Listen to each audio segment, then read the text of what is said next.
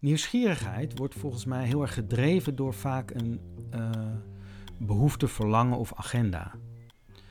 Um, ah, daar zit een soort uh, een, een, vermoeden in met voorkennis. Ja. Je bent geprikkeld. Oh, dus, wat zal dat zijn? Ja, ja, ja, ja, Wat is hier aan de hand? Je hoort het is iets. veel ontvankelijker verwondering. Verwondering is heel open en, het is een heel, en daarom is die zo moeilijk. En het is een heel subtiel houding of emotie. Dit is bij Rijn en Martijn aan tafel. Waar we delen wat ons inspireert en voedt op het gebied van persoonlijke ontwikkeling, spiritualiteit en zingeving. Uh, ik ben Reine, spreker, coach, moeder, lover, bosbewoner. Ja, is allemaal waar.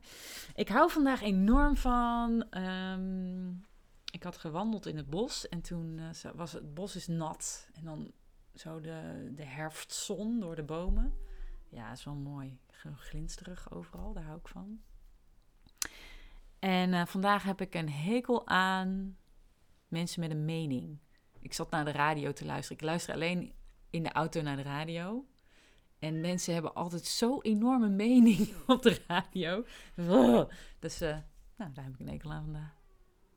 Welkom. Ja, jij ook. En jij? Wie ben jij? Ik, ik, ik ben Martijn Rozing.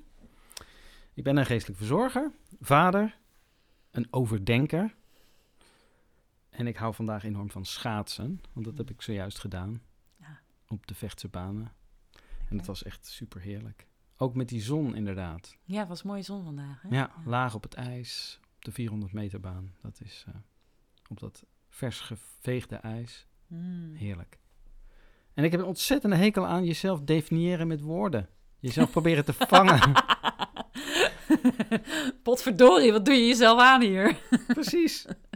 Taal voor ervaring en alles proberen op te sluiten in één woord. Dat lukt nooit. Ja, ik snap het. Ja, ik snap het. hey, zullen we gewoon lekker doorpraten? Uh, en uh, welkom uh, luisteraars. Zeker. We weten niet wie jullie zijn, maar dat maakt niet uit. Jullie zijn toch heel erg welkom. En we zijn hartstikke blij dat jij bij ons aanschuift aan tafel, bij ons. Ja, waarin je kunt luisteren naar inspirerende ideeën, perspectieven, filosofieën op het gebied van zingeving, spiritualiteit en persoonlijke ontwikkeling. Yes. Dingen die wij interessant vinden, die delen we. Ja, precies. We gaan onze, onze, onze, ons hart volgen. Ja. We hebben het eigenlijk zo ingericht. Elke keer kan een van ons twee een onderwerp, een boek, een thema, een eh, film, iets inbrengen wat inspireert, wat voedt. En de, deze eerste keer mag jij het spits afbijten. Mhm. Jij mag iets inbrengen. Wat uh, wil je inbrengen? Ja, we beginnen met de A. Uh, de A van Aurelius, Marcus Aurelius, de mhm. Stoïcijnse filosoof en Romeinse keizer. Mm Zeer interessante figuur die uh, we gaan bespreken. Wanneer kwam jij zelf voor het eerst in aanraking? Of wat je kan herinneren, je eerste herinneringen eraan? Ja, ik, uh, ik studeerde aan de Universiteit voor Humanistiek en ik was bezig met mijn afstuderen uh, scriptie. En dat ging over levenskunst. Mm En um, daarin ging het ook over de klassieke levenskunst. Ja. En daarin kwam ik dus uh, op het spoor of ja, Marcus Aurelius tegen. Als een van de belangrijke late Stoïcijnen. Mm Um, en uh, ik was eigenlijk meteen uh, gegrepen door zijn uh, schrijven, hè, de, de, persoonlijke notities die hij heeft nagelaten. Wat, wat greep je in die ontmoeting met hem? Nou, die Stoïcijnse filosofie die is op een bepaalde manier, zou je kunnen zeggen, heel rationeel. Mm -hmm. um, hè, die, die proberen de, de, toch een soort van koele blik op de werkelijkheid te ontwikkelen. Maar in het in die persoonlijke notitie van Marcus Aurelius uh, klinkt ook een soort uh, gevoeligheid en verwondering door. Hmm. En die, die raakte mij heel erg. Hmm. Het zijn korte, korte teksten die... Um, dat is vaak hè, bij die stoïcijnen, dat het korte tekstjes zijn, toch? Ja. ja. Nou ja, Epic, Epictetus, daarvan zijn de colleges bewaard gebleven. Dus dat is een heel dik pak met mm. ja, college aantekeningen, zou je kunnen zeggen. En bij Marcus Aurelius zijn het ja, echt uh, korte overdenkingen, mm. gebundeld in verschillende boeken. Maar echt fragmenten, soms uh, gewoon drie zinnen en dan weer een, een echt een, een, een, alinea. En je zei dat daar een zekere gevoeligheid in zat? Of een soort... Ja, een soort gevoeligheid ook in waarnemen, in kijken naar de wereld. Mm. Soms ook poëtisch, vind ik bijna. Oh, ja. en, uh, en die raakte mij wel. Er zit een soort ontroering ook in. Wel. Ah, ja. Is dat omdat je dan iets van jezelf erin ziet? Ja, ik denk het wel. Ik, uh, ik heb wel de manier waarop hij naar de wereld kijkt, ook wel met een soort melancholie zit er ook wel in. Hmm. Uh, dat, dat paste mij goed. Ja, ja. Misschien kun je voor de luisteraar even in drie minuutjes okay. De informatie geven die ze nodig hebben om, om gewoon een beetje een beeld te hebben van wie die man was. Ja.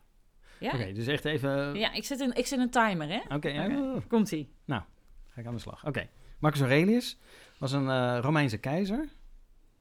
die leefde van 121 tot 180. En um, hij is heel jong al als keizer begonnen. Volgens mij was hij iets van 25 jaar. Um, samen met een ander, zijn adoptiezoon. Hij is zelf ook geadopteerd door uh, Hadrianus. En um, hij heeft dus het, het, het Romeinse Rijk geleid met die, met die adoptiebroer van hem. En eigenlijk met dat hij aan de macht kwam, um, is hij uh, ook heel erg bezig geweest om allerlei brandjes te blussen. Dus zijn mm -hmm. uh, regeringsperiode was gekenmerkt door grote uh, onrust, mm. rampen ook. Mm -hmm. He, dus de barbaren aan de randen van het rijk, die begonnen zich te roeren. -hmm. Ook meteen eigenlijk op de dag dat hij keizer werd, want toen hebben ze die dag, of ja, niet misschien specifiek die dag, maar wel de, de troonwisseling, het overlijden van uh, de vorige keizer, gebruikt om uh, onrust te creëren. Mm. Dus hij is eigenlijk meteen uh, aan de randen van, de rij, van het Rijk ook actief geweest. Er in een buitengebied die zichzelf, of een, een, generaal die zich tot keizer uit oh, ja. riep. Dus dat is eigenlijk een soort muiterij. Hè? In ieder geval, uh, dus dat was het, het, het, zeg maar, het uiterlijke leven van Marcus Aurelius, zeg maar. Ja. Keizer in, uh, in die tijd. Maar, en daarom is hij zo bekend geworden ook onder filosofen. Hij wordt ook gezien als een filosoof, als een mm. stoïcijns denker.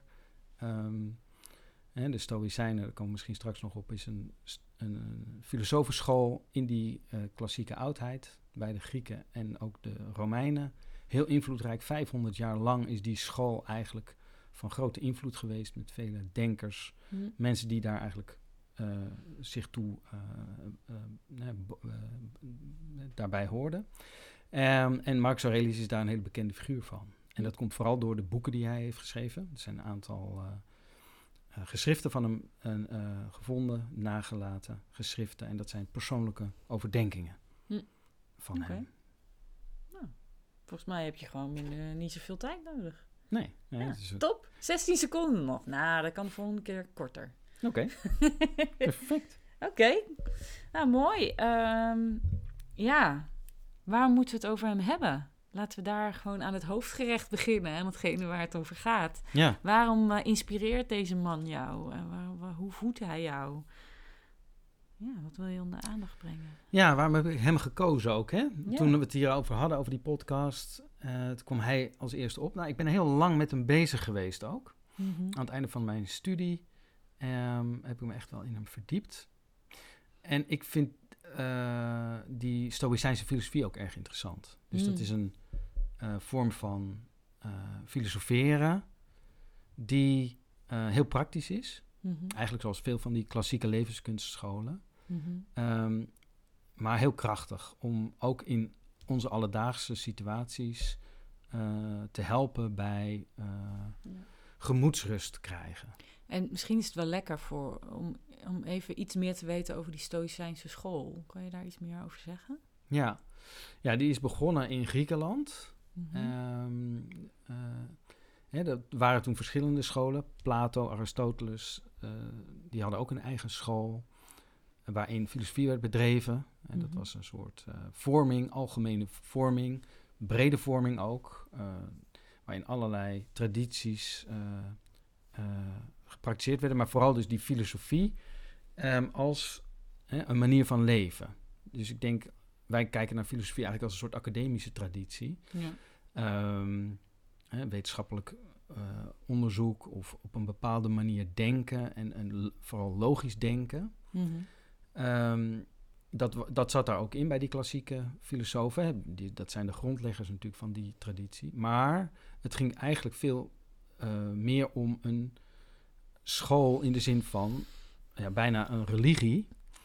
eh, waarin je die filosofie omarmde als zo wil ik in het leven staan. Ik Ja. wil op die manier wil ik denken, kijken en ook mijn handelen daarmee in overeenstemming brengen. Dus daar zat een, eh, een logica in, maar ook een, een duidelijke ethiek, een ethica, een, een vorming van jezelf, een mensvorming. Oké, want als ik ethiek hoor, dan denk ik niet aan mensvorming. Dan denk ik aan soort van eh, rechters of zo. Ja, dat, de, de hedendaagse ethiek is natuurlijk heel erg Ja. waarden en normen. Ja, Wat zo, mag ja, wel? een beetje balkenende of zo. Ja, die precies. Oh, ethiek. Ja, Heel, heel suf en saai of zo. ja. En hier is het een brede ethiek, in de zin van het gaat over een, een, een ethos, Mhm. eh, hè? Het, eh, vo- vorming van karakter zou je ook kunnen zeggen. Ja, ja, ja.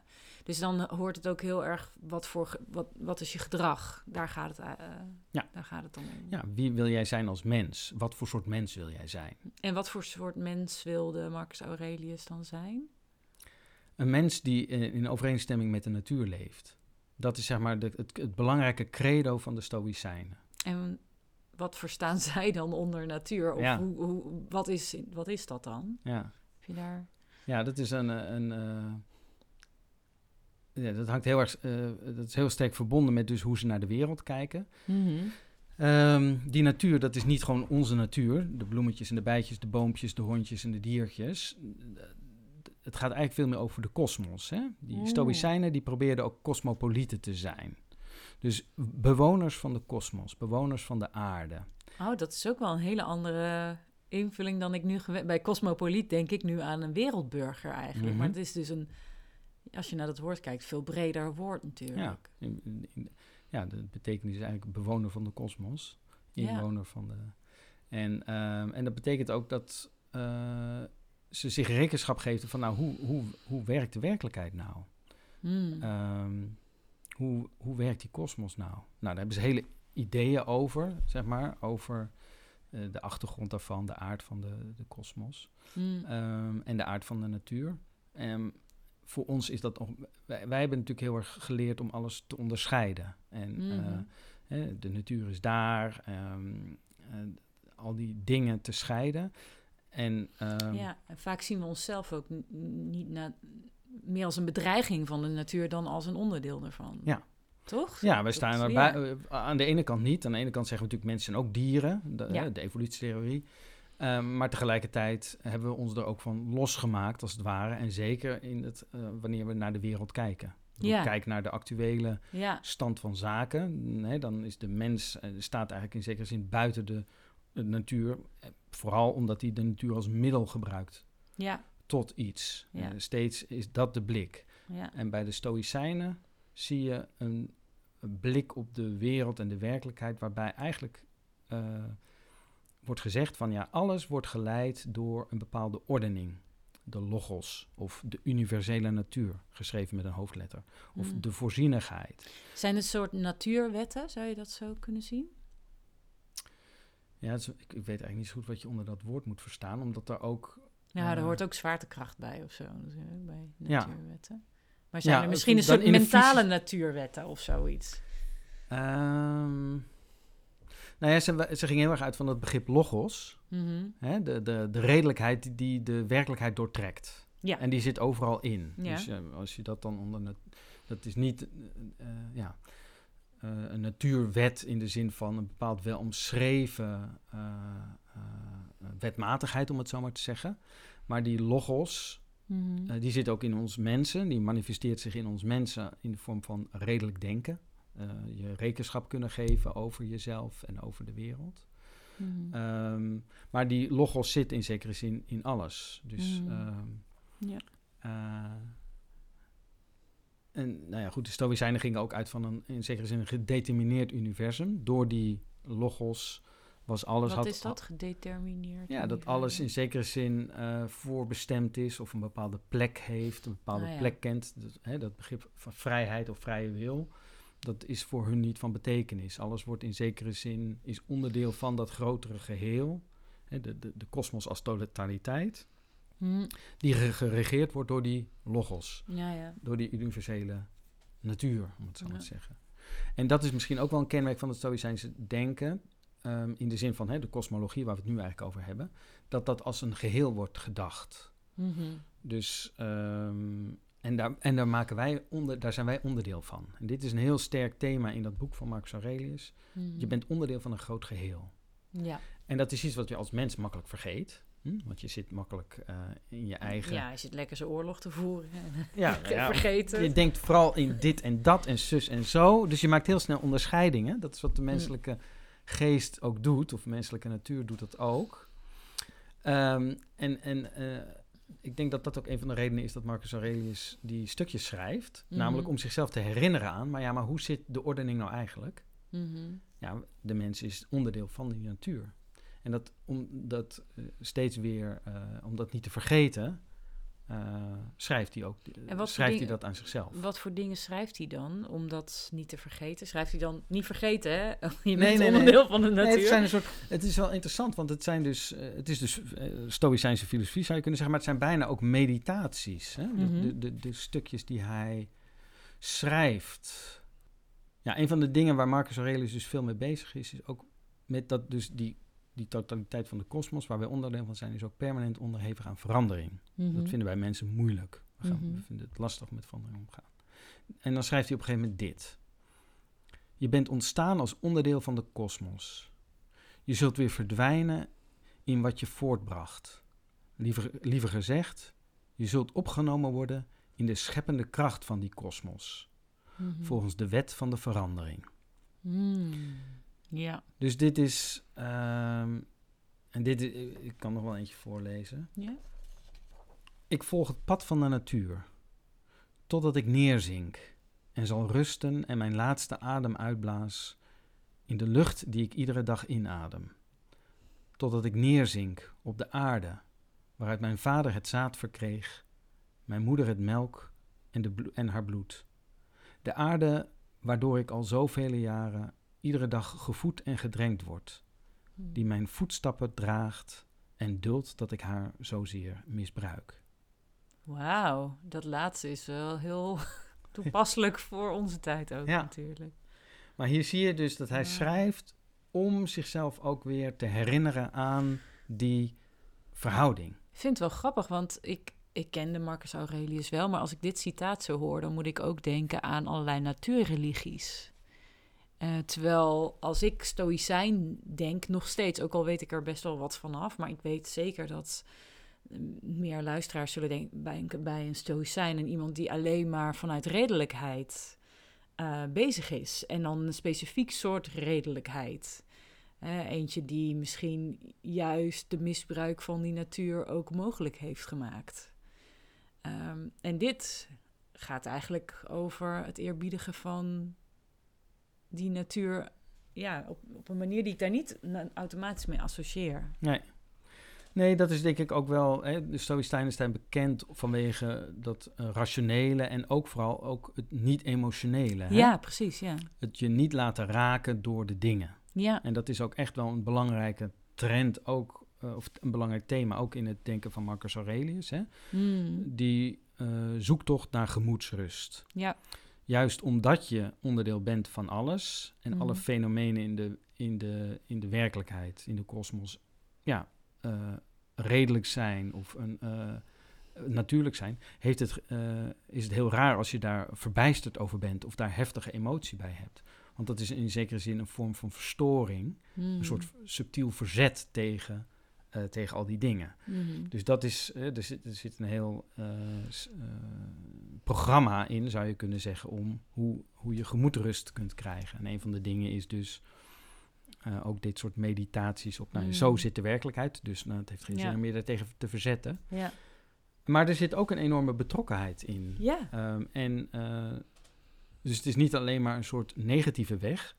Ehm, proberen niet te voelen of ehm, Ja, eh, iets niet dingen te deconstrueren. ja, hè? Want of dat, iets dat niet is het. te doen. Of iets niet, niet geraakt worden, niet van slag raken. Ja.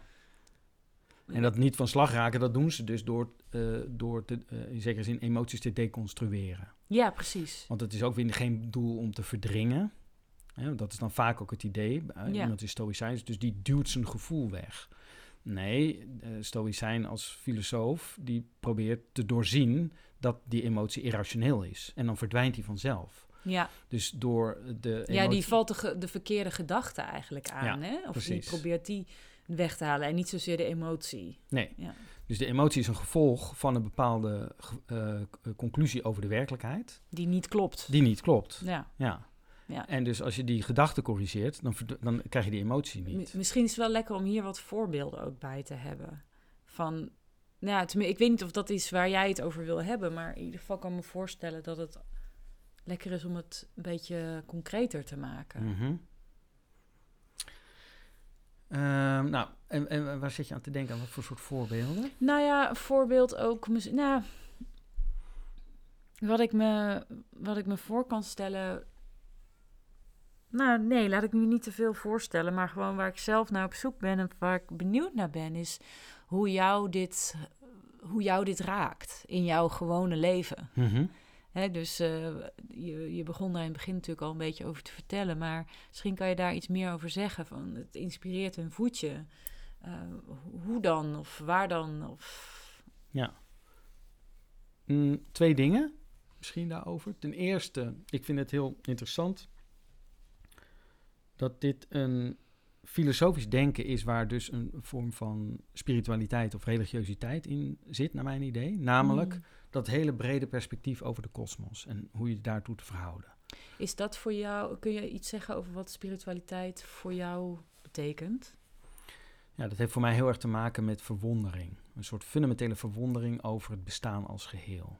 Mm. Ehm, en dat is eigenlijk, eh, dit- dit is makkelijk eh, gezegd zo. Ik kan me best heel theoretisch over van alles verwonderen. Maar is dat ook het soort verwondering wat jij bedoelt? Ehm, nee, dit gaat echt over een doordrongen zijn van de wonderbaarlijkheid van de wereld. Van de werkelijkheid. Ja. En eh, ik vind zelf verwondering, eh, ik zoek dat. Maar het- ik vind het ook een moeilijke emotie. Of een moeilijk, eh, wat is het wel, een emotie misschien? Weet ik eigenlijk helemaal niet. Ik denk Maar- het wel. Ja, maar het is ook een bepaalde Misschien moet het even- houding. Ja. Hè? Want het is een houding waarin je open staat. Eh, je, er zit een zekere ontvankelijkheid in. Mhm. Je, hebt, je kunt natuurlijk hebben de grote verwondering over iets wat je heel erg overvalt. En dat zijn de momenten die je ook goed kunt herinneren. Mhm. Eh, misschien een keer. een, vaak wordt het ook in de natuur ervaren. Mhm. Prachtige uitzichten, een bergwandeling. En op een gegeven moment dan na de tocht van drie uur klimmend heb je opeens dat uitzicht over de. Heb jij dat, heb jij dat soort verwondering? ve- Is dat jouw grootste bron van verwondering? De natuur? Oh, Nee, eh, dat soort grootsere dingen.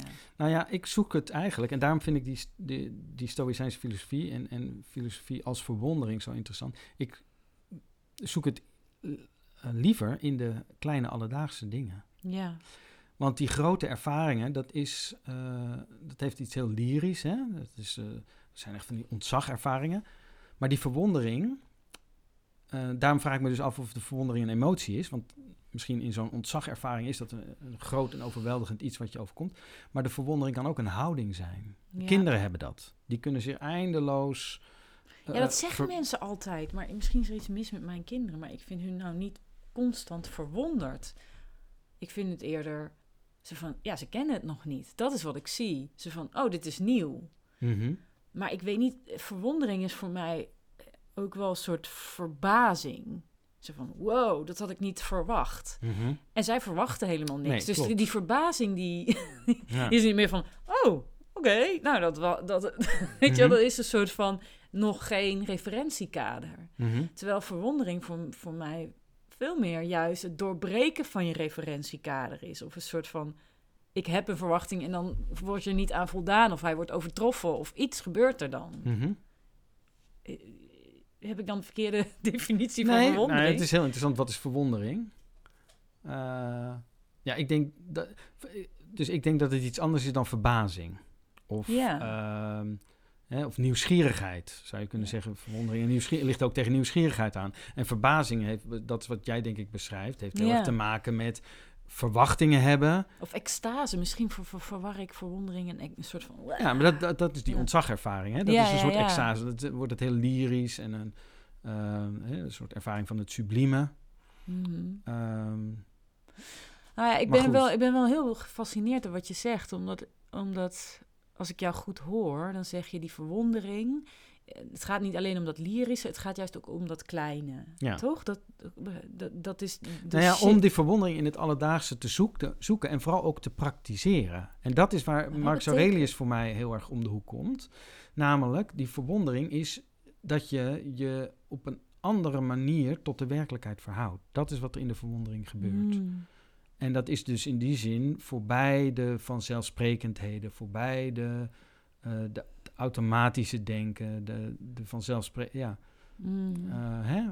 Eh, hoe moet ik het, ja, dit En hoe ziet dat auto... Oké, even a day in the life van jou of van mij. Hoe ziet dat er dan uit? Wat is dan het automatische denken wat, ehm, wat je via het praktiseren van verwondering eh, ja, opzij doet of verandert? Kan je me een voorbeeld daarvan geven? Het eerste wat nu opkomt. Is ik, ik ben natuurlijk heel veel in gesprek met mensen hè? in mijn Mhm. werk. Ik werk als geestelijk verzorger in een ziekenhuis. En al die gesprekken, dat zijn heel veel ontmoetingen. Dus heel veel Mhm. kennismakingen eigenlijk. Ik ben Ja. eindeloos aan het kennismaken met mensen. Oh ja, Dat is mijn- Fuck, ja, dat ik helemaal niet gerealiseerd. Ehm, je krijgt wel wat informatie van tevoren over wat, waarom iemand opgenomen is, waarom iemand eh, in het ziekenhuis is, of eh, wat een aanleiding is om daar eh, naartoe te gaan. En daar, heb je dus, daar kun je allerlei voorstellingen van maken. Maar ik probeer die persoon echt te ontmoeten, of me open te stellen voor hoe die, wie die persoon is. Mhm. En dat vraagt dus voor mij ook een soort me. Ja, ik denk dat ik daar die verwondering nodig heb in zekere zin. Mhm. Als een soort basishouding. eh, om. Ja, Ja. ik weet. Ja, ik denk dat ik het wel voor me kan zien. Eh, Ik ben wel benieuwd, want verwondering is voor mij een soort van bijna magisch woord. Soort Mm. van, hè, en ik vind het een heel mooi eh, woord. Mhm. Maar het is misschien... Is het dan hetzelfde als gewoon ge- nieuwsgierig zijn of geïnteresseerd zijn? Is Nee, want nieuw, het, het, het Ja. nieuwsgier- probleem met nieuwsgierigheid is. eh, dat, het is wel leuk dat we het zo over woorden hebben, want dit is precies hè, waar het om gaat. Dingen scherp krijgen, wat versta je eronder? Nieuwsgierigheid wordt volgens mij heel erg gedreven door vaak een eh, behoefte, verlangen of agenda. Ah, daar zit een ja. soort eh, Ja. een, ver- een vermoeden in met voorkennis. Ja.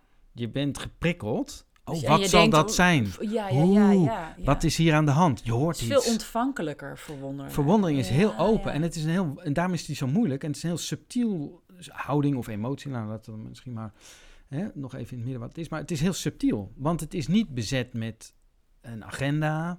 Hmm. Eh, het is ook geen argwaan. Argwaan is trouwens ook een negatieve, of is een nieuwsgierigheid Ja, die dan ga je op gericht is zoek naar het, naar, het- naar het negatieve.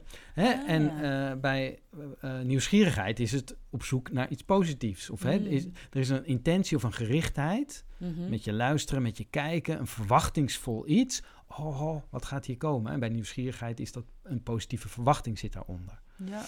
Eh, bij argwaan is het, is het negatief. Dus, en- maar wa- wa- wat is verwondering? Het is heel wonderlijk eigenlijk, want er Ja. is wel een je openstellen voor. Er is een affectieve, eh, eh, positieve verhouding tot de wereld. ja. Maar hij is niet geladen met eh, wat kan ik hier uithalen. Of, Nou, als, ik, als ik moet zeggen, als ik, want ik, ik leg dit natuurlijk naast mijn eigen ervaring, dat doen mensen die luisteren vast ook. En dan denk ik, ja, wat mij vooral opvalt, zijn de momenten dat ik had verwacht dat ik me zou verwonderen en het niet gebeurde. Ja. Dus dat de verwondering uitblijft. Als de verwondering als het ware een soort van organisch verloopt, dan, eh, dan, dan valt hij me misschien wel niet eens op, omdat Nee. hij zo subtiel is. Omdat Ja. het zo ah, is en ehm, zo open is. En het zijn vooral de momenten dat ik dat niet, die staat van zijn, als het ware, niet kon bereiken. Terwijl ik hem wel had willen bereiken. Ah, dus je had een verlangen naar de verwondering. Ja, is dat te van, van oh, ik wil zo graag verwonderd zijn en dat ik alleen maar ontevreden was, weet je Ja, wel? ja. Dat je zo, oh, ik- Ja. dat je boven op die berg staat en denk, oh ja, mooi uit. Ja, ik dat ik vind Waar blijft die verwondering? Waar blijft God nou? En Ja, ja, soort van, nou, ja, niet boven op deze berg in ieder geval. Nee. En eh, dus ik vind dat wel interessant van hoe, hoe zou je dat dan tot een houding kunnen maken? Want als het een houding is, dan, nou ja, aan mijn houding kan ik werken, weet je wel. Mhm. Misschien zak ik wel weer in als ik lang Mhm. genoeg achter mijn computer zit. Maar er is een soort moment waarin ik kan kiezen om dat op te zoeken, van rechtop zitten of zo. Ja. Maar dit vind ik dus het hele interessante ook van die verwondering weer. Het is niet controleerbaar. Waarom Je- moet ik er dan mee bezig zijn? Ja, omdat het hartstikke mooi is. Omdat het iets belicht ook in die, Mm. die, die ervaring van verwondering. Onthult iets over eh, wat wezenlijk is of wat echt van betekenis is. Ik denk dat alleen maar daarin. Hè, dat, eh, we, proberen ook een soort onderzoek te doen naar, wat, naar zingeving of naar spiritualiteit. En volgens mij de. Ja, dat woord, ik heb daar zelf ook wel moeite mee met het woord zingeving. Maar dat vind ik, het is natuurlijk een, een term die hartstikke bekend is ondertussen. Maar het is die ervaring van zin. Wanneer ervaar je dat nou? Dat is een heel subtiel gebeuren ook. Ja. De concrete ervaring van zin. En ik denk dat die altijd ergens verbonden, verbonden is met die Ja. verwondering. Ja. Ja. Ehm, dus dat is ook een gebeur. Zin overvalt je ook. Dat ja, is dus het is meer een dat je op gaat merken, misschien, dat het er is, dan dat je het creëert of opzoekt of zo. Ja, precies. Mooi. Is dat het? Ja. Ja. Dat zou dan de zin zijn van, naast dat het mooie teksten zijn, om je ermee bezig te houden, zodat je het zoals het ware alert, eh, meer en meer van, oh, hier was het, Mhm. kan gaan. Ja, ik, ik zit nou, ja, want we zijn natuurlijk een beetje afgedwaald, zou je kunnen zeggen. Nou, want ik, het ik- is, denk dit is misschien dat mensen die heel- bedoeling. ja, nee, dat, dat, eh, precies. dit is wat jullie mogen dit, verwachten. dit, dit gezwerf van ons, zo in de... eh, ja, nee, maar het is maar, nee, maar afgedwaald van Marcus Aurelius in zekere zin. Want de, Ja, degene die helemaal in de Stoïcijnse filosofie ze- eh, zitten, hè, die Mhm. misschien eh, hiernaar zitten te luisteren, die zeggen: Ja, wat is dit voor vaag verhaal, joh? Die Stoa, dat is een hartstikke eh, discipline die inderdaad gaat over Ascese deconstru- en- deconstructie van emoties, goed denken. eh, je, hè, je denken in overeenstemming brengen met bepaalde principes, et cetera, et Mm. cetera. Hè, die, dat is eigenlijk, want ik noemde net, voordat we deze, dit, dit tochtje hebben gemaakt eh, in de verwondering, twee aspecten die me dus zo aantrokken aan, aan Marcus Aurelius. Het ene is dus dit, dit perspectief, wat ik, hè, de- van de, een ander perspectief op eh, leven en bestaan. Eh, wat bij mij de verwondering wekt of voedt of nou, me daartoe inspireert. En de andere is ook wel degelijk die ascese, die Mm. ehm, Ja, mentale discipline of oef- mentale oefening om eh, Oh, ja. jezelf op een andere manier te leren ke- eh, kennen, zeg maar. Ja. Je, je veel meer bewust te worden, bijvoorbeeld inderdaad van de redelijkheid van emoties, al dat Mm. soort dingen. Het is een ontzettend waardevol, dat heeft me heel veel gedrag, gebracht gewoon in mijn persoonlijk leven. Als het Oh. gaat om Vertel. nou ja, nee, gewoon. Ik kan daar nu niet een concreet voorbeeld van noemen, zo'n mooie anekdote of zo. Maar dat je, eh, nou, dat ik wel heel erg bij, als ik een emotie ervaar bij Mhm. mezelf, Mhm. heel erg op eh, zoek ga van, maar, oh, maar wat zegt dit nu? Wat heeft dit nu? Mhm. eh, wat staat er nou op het spel? Welke, welke norm of waarde is hier nu in het geding? Dus ik Mhm. hè, ben daar heel erg door. eh, eh, en, en ik probeer daar dan bij te komen en daar iets mee te doen. Niet met de, emo- de emotie aan zich is niet zo interessant, vind ik, maar veel meer wat ze. ehm, Mm. ja, wat, wat de redelijkheid er eigenlijk van is. De, en ik denk dat ik hier eigenlijk. Ook hier weer zullen misschien stoïcijnen roepen. Ah, dit is veel meer Aristoteliaans. Dit is veel meer Aristoteliaans. Hè? Aristoteles die, die, die had dat, die had een heel ander, of die had, ja, een ander idee over emoties en hoe die eigenlijk meer te balanceren in je leven. Ja. Ehm, maar de, die, de radicaliteit en de scherpte van de Stoa, ja, dat is super interessant, Ja. vind ik. Ja, nee, ik, ik, eh, ik, ik denk dat ik een ander soort van denker ben dan jij. Dus ik, ik, eh, ik neem dan graag de hoofdlijnen tot mij, zonder enorm eh, in de details uh, van elke denker te, te duiken. Maar ik heb zeker veel gehad aan stoïcijnen in de zin van dat het je helpt om te doorzien uh, dat er een enorme samenhang is tussen je opvattingen en, en je emotie. En uh, zeker als je een heel emotioneel mens bent. Ik vind dat René Gude, die, ja, dat is een Nederlandse filosoof die ook veel met de Stoa heeft gewerkt. Hij is overleden inmiddels. Maar die, doet dat, die, die zegt zelf ook van ik ben een heel emotioneel mens. Dus daarvoor heb ik dat nodig Ja. om, om door te hebben dat wat ik eh, voel niet altijd waar is. Ja. En, maar het ligt wel enorm aan je eh, inclinations, in- aan je neigingen en Mhm. aan je aanleg.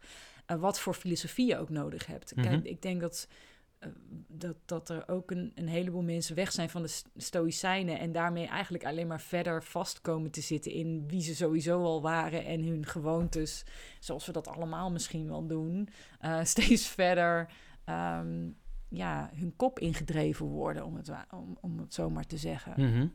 En alleen maar bezig zijn met de mentale ja, overtuigingen die ze hebben uit te pluizen.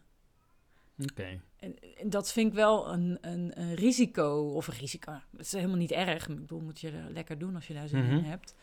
Maar in die zin, dat vind ik wel een beperking van Oké. eh, Stoa. Want er zijn bepaalde stoïcijnen, of mensen, moderne stoïcijnen die je kent, die dat zo doen. Nou, dat, dat- dat, dat er uiteindelijk alleen maar ge- eh, eh, wordt gekeken naar de relatie tussen, tussen, eh, tussen eh, mentale inhouden, dus overtuigingen, opvattingen en, eh, en de emotie. Terwijl ik denk dat emotie eh, veel meer eh, omvat dan alleen die relatie. Soms omvat die het verleden, soms zit er in emotie ook ehm, allerlei invloeden van, ehm, van je omgeving. Vang, Mhm. vang je van alles op Mhm. aan, aan, aan energie van anderen of aan eh, gevoelens die er in de lucht hangen. En vang je dat op, maar weet je, hele, Ja. weet je niet goed eh, eh, ja, waar het vandaan komt. Ja, en het als ik jou hoor, ah, om je aan te vullen, eh, Ja. met je mee te denken in deze lijn, het is natuurlijk ook emoties een heel lichamelijk ja. aspect. Hè? En, Ja. en dat is wel, hier zie je, komen we op de grens, of de, zou kunnen zeggen, de kritiek kunnen we ook formuleren ten aanzien van de Stoa. Het is natuurlijk een heel ehm a-lichamelijk ja. Ehm, en eh, ze zijn niet geïnteresseerd in de zintuigen en de verfijning en de subtiliteit daarvan. In de Nee. zin van, het is een heel vergeestelijkende ja. eh hè, ehm, eh, ascese. ja. Die heel erg gericht is Nou, inderdaad op die gemoedsrust. ja. En, en, eh, ja, en soms, soms heb ik een beetje het wantrouwen, en dat heb ik trouwens naar boeddhisme ook een beetje. mm, ja, Dat het eigenlijk alleen maar, want dat lijkt hier een beetje op, Ja. dat het eigenlijk alleen maar gaat over, ja, het heel kritisch zeggen, mannen die bang zijn voor emotie en proberen het niet te hebben. Even heel cru gezegd. Gewoon van, ja, ik wil gewoon, ik vind dat emotie zo pijnlijk, ja. dat ik me helemaal bezig hou met eigenlijk voorkomen dat ik extreme emoties heb. Mhm. En daar heb ik al een heel verhaal omheen gebouwd. Nee, ja, ja. Eh, en eh, ja, dat neemt niet weg dat er een heleboel. Ik vind die link met de natuur heel inspirerend. En ook, die, en, en ook de, de scherpte van Mhm. kijken naar je denken. En waar de gewoon de, de onpersoonlijke schermte van hey, is wat ik denk, slaat het ergens op. Dat vind Mhm. ik super waardevol. ja. Maar het voelt wel alsof je op één been staat of zo. Ja, nou, het is grappig wat je zegt over de, de boeddhisten, want het is inderdaad, hè, het- eh, voor de, de, voordat je zei de man eh, die bang is voor zijn emotie, dacht ik van, nu komt het woord onthechting, want dat is het woord Ja. wat daar, hè, wat, wat beide bindt in zekere zin. Ja. Ehm, en eh, ja, misschien kunnen we daar eens een apart eh, gesprek Ja, over zeker, voeren. ja. Want dat is heel. eh, in die hele. In, in die spirituele traditie, in de mystiek, bij de boeddhisten zie je die, die hang naar, waar je de hang naar verlichting hebt. Ja. En in zekere zin bij, de, bij Marcus Aurelius, bij die Stoa, zie je ook een soort ja, streven naar onthechting. Hmm. Niet, en dat is de, dus de befaamde Stoïcijnse gemoedsrust, is een vorm van onthecht zijn. Ja. De dingen raken je niet meer Ja. of niet langer, Ja. omdat je alles in zekere zin eh, doorziet of kunt deconstrueren tot op zijn essentie. En dan is, het, eh, is er geen reden om bewogen te raken daardoor of daarvoor. Ehm, Maar de vraag is, nou, is dat nog uh, menselijk leven? Hm? Nou, is en ik, nog- ik weet ook niet of we helemaal recht doen dan aan de... Aan, eh, zeker Marcus Aurelius kan ik dat niet goed eh, inschatten. En ik denk dat, dat, dat het ook een simplificering is die misschien een beetje makkelijk is. Ja, ja, ik, ik, ja, ik Nou, er zitten verschillende kanten aan. Nogmaals, ik denk dat we ook dat boek eh, van Marcus Aurelius moeten we zien als een oefening. Dus ja, je ziet hier een, iemand die Ja. zichzelf probeert te herinneren aan iets. ja, Ondertussen was hij natuurlijk keizer. Ja. Hij heeft er gewoon een wereldlijk leven. eh, doet van alles. Maar eh, s'avonds in zijn kamertje of in, eh, in- aan de legertent, in de legertent aan de randen van zijn rijk... waar Ja. hij eh, aan het onderhandelen was, eh, Ja. oorlog aan het voeren af en toe... en dat soort dingen... schrijft hij aan zichzelf dit soort berichten... om in de veelheid van dingen in het leven... zijn centrum te bewaren als Precies, het ware. ja. Dus het is een, Ja. iedere keer weer die terugkeer. Ik, vind, en ik moet wel zeggen dat dat iets is wat wel hem onderscheidt van die andere stoïcijnen, waar die meer in mijn beleving, zo, wat ik ervan heb gelezen, Mhm. als ik aan een, eh, hoe, hoe, heet die ene met een S ook weer? Seneca. Mhm. Denk, die, die zit bijna een beetje te preken. Ja. En Marcus Aurelius niet. Nee. Die, die richt zich natuurlijk ook tot zichzelf. Die, zijn, als ik jou goed begrijp, zijn, zijn boeken waren niet voor publicatie bedoeld. Nee. Dus je krijgt een veel zachtere toon Mhm. vind ik, dan bij een Seneca die heel erg zo van... je moet het zo doen en dit is fout denken en dit is goed denken. En weet je wel, Ja. heel prekerig, eh, Ja, klopt. vind ik. Ja, en Epictetus, daar zijn ook veel teksten van bewaard gebleven. Die was leraar, dus dat is een heel dik pak met leringen. Ja, Dus dat is ook eh, heel zendend. heel zendend, heel ideaal eh, typisch. Eh, nou ja, dat heeft natuurlijk ook zijn waarde. Dus Zeker. ook dus, hè, Maakt wat- het wel wat helderder misschien wat de gedachten Daardoor krijg je zijn. heel duidelijk dat gedachtegoed. Maar Ja. Marcus Aurelius is interessant omdat hij helemaal niet geïnteresseerd is in de consistentie ook van dat denken. Ja, Of om eh, een Ja. soort. Maar om het te praktiseren. Om, Ja. En dan krijg je dus teksten zoals ik net heb Doe je- voorgelezen. Doe, je- doe jij dit zelf ook? Dat praktiseren? Breng je het in de praktijk? Ja, ik, wat ik gedaan heb een tijdje geleden, is alweer een eh, paar jaar geleden. Toen ik dus echt met die boeken. eh, met, met het boek van, van Marcus Aurelius bezig was. Zo, eh, dan. wat ik deed is, ik, ik, ik nam er een zin uit. Mhm. En daar schreef ik dan een korte overdenking over. Hmm, Dus jij gebruikte dat weer als een soort begin voor je ja, eigen als een lens reflectie. of als een, als een aanleiding om daar zelf ja, om, om op die manier te kijken. En eh, Mooi. dus eh, erover na te denken. Dus, dus dan kun je die gedachten ook je eigen maken of je eigen verhouding daartoe vinden. Hm. En, en, en daarmee schrijf je eigenlijk je eigen stukje, om het zo maar Hm. te zeggen. Of je Ja. eigen Ja. reflectie, waar je eigen ervaring in verwerkt. Ja, het Eh, lijkt heel erg op zo'n zo'n moderne praktijk. In een persoonlijke ontwikkelingshoek wordt natuurlijk heel vaak journalen of dagboeken. Dat werkt in het Nederlands niet zo lekker. Dagboek schrijven. Eh, dat is eigenlijk wat hij deed. Ja, maar kijk, ik, ik- je kunt dagboeken schrijven om eh, lief dagboeken, dit en dat is me overkomen en dit en dat is er gebeurd en ik voel me zus of zo. Maar hij eh, is bezig om, eh, en, en in zekere zin deed ik dat, schreef ik ook een beetje zo dat soort dingen rondom zijn gedachten misschien. Van waar zit dat in mijn eigen leven? Maar hij probeert echt, hè, nogmaals, hier heb ik nog Mhm. een fragmentje. Ja. Eh, doe je oordeel weg. En weg is je gevoel, ik ben benadeeld. Dus dit is die, hè, die, die- Mm. neem dat gevoel weg. En weg is ook het nadeel zelf. Mm. Nou, dit is echt hardcore stoa, zou je kunnen ja, zeggen. ja, ja, dat is wel de kern, hè? Ja, dit is ja, echt de ja. kern. Doe je oordeel weg en weg is je gevoel, ik ben benadeeld. Ja. Ja. omdat die dus gelinkt zijn, die twee. Ja, ja, Dus- ja, ja. En, of meditatie op de dood. Hè, dat is eindeloos zit dat ook, die permanente verandering. De dood is net zoiets als de geboorte. Een geheim van de natuur. Verbinding van elementen en de oplossing in weer diezelfde, dus de natuur. Helemaal niets om je over te schamen, Hm. want met wat past bij een denkend schepsel en de redelijke grondslag van zijn aanleg, is het niet in strijd. Hm. Dus de dood is niet in strijd met jezelf of met het leven. Hm. En heel veel, dus een belangrijk, er zijn eindeloze herhaling zi- zit er ook Mm. natuurlijk in, eh, in die boeken. Ik kan En me dit dat ook voorstellen thema. als je een, krijger bent. Dan is het natuurlijk zo'n veldslag. Er zijn constant mensen die daar Ja. Gewoon kapot gaan. nou ja, en hij had, Ja, geloof ik, 13 kinderen, waarvan er geloof ik ook drie zijn, vier zijn overleden ja. Weet je wel, dus het is ook die- in die ja, tijd. in die tijd. En, eh, Ja. Dus eh, hij heeft de dood ook op allerlei manieren gezien. En ja, het is ook een manier om dat Hm. een plek te geven, zou je kunnen zeggen. Ja. Misschien is het wel mooi om eh, richting de afronding nog even te verzamelen wat zo eh, voorbij is gekomen. We hebben lekker ge- allerlei kanten Ja, het uitgekletst. ging, all over the place. Ja, maar dat geeft niet. Ehm, wat is voor jou de inspiratie? Ook, wat voedt jou hier nou aan? Laat ik diezelfde vraag eigenlijk gewoon nog een keer stellen. We hebben van alles verkend, maar wat is nou eh, hetgene wat jou voedt en wat betekent dat voor persoonlijke ontwikkeling, spiritualiteit en zingeving in jouw leven of in, de in jouw praktijk? Mhm. en, en wat mijn voet dus met betrekking tot Marcus Aurelius. Ja, of met eh, ja, uit het. Ehm, gek, hè? Dat zo even... Ja, misschien, ik denk dat ik het al gezegd heb, toch? De, een beetje zo de verwondering, dat is voor mij wel... eh, en, en dat is eigenlijk een zoektocht voor mij. Hmm. En om die verwondering te voeden. Ja. Ehm, dus ik ben op zoek naar een manier om...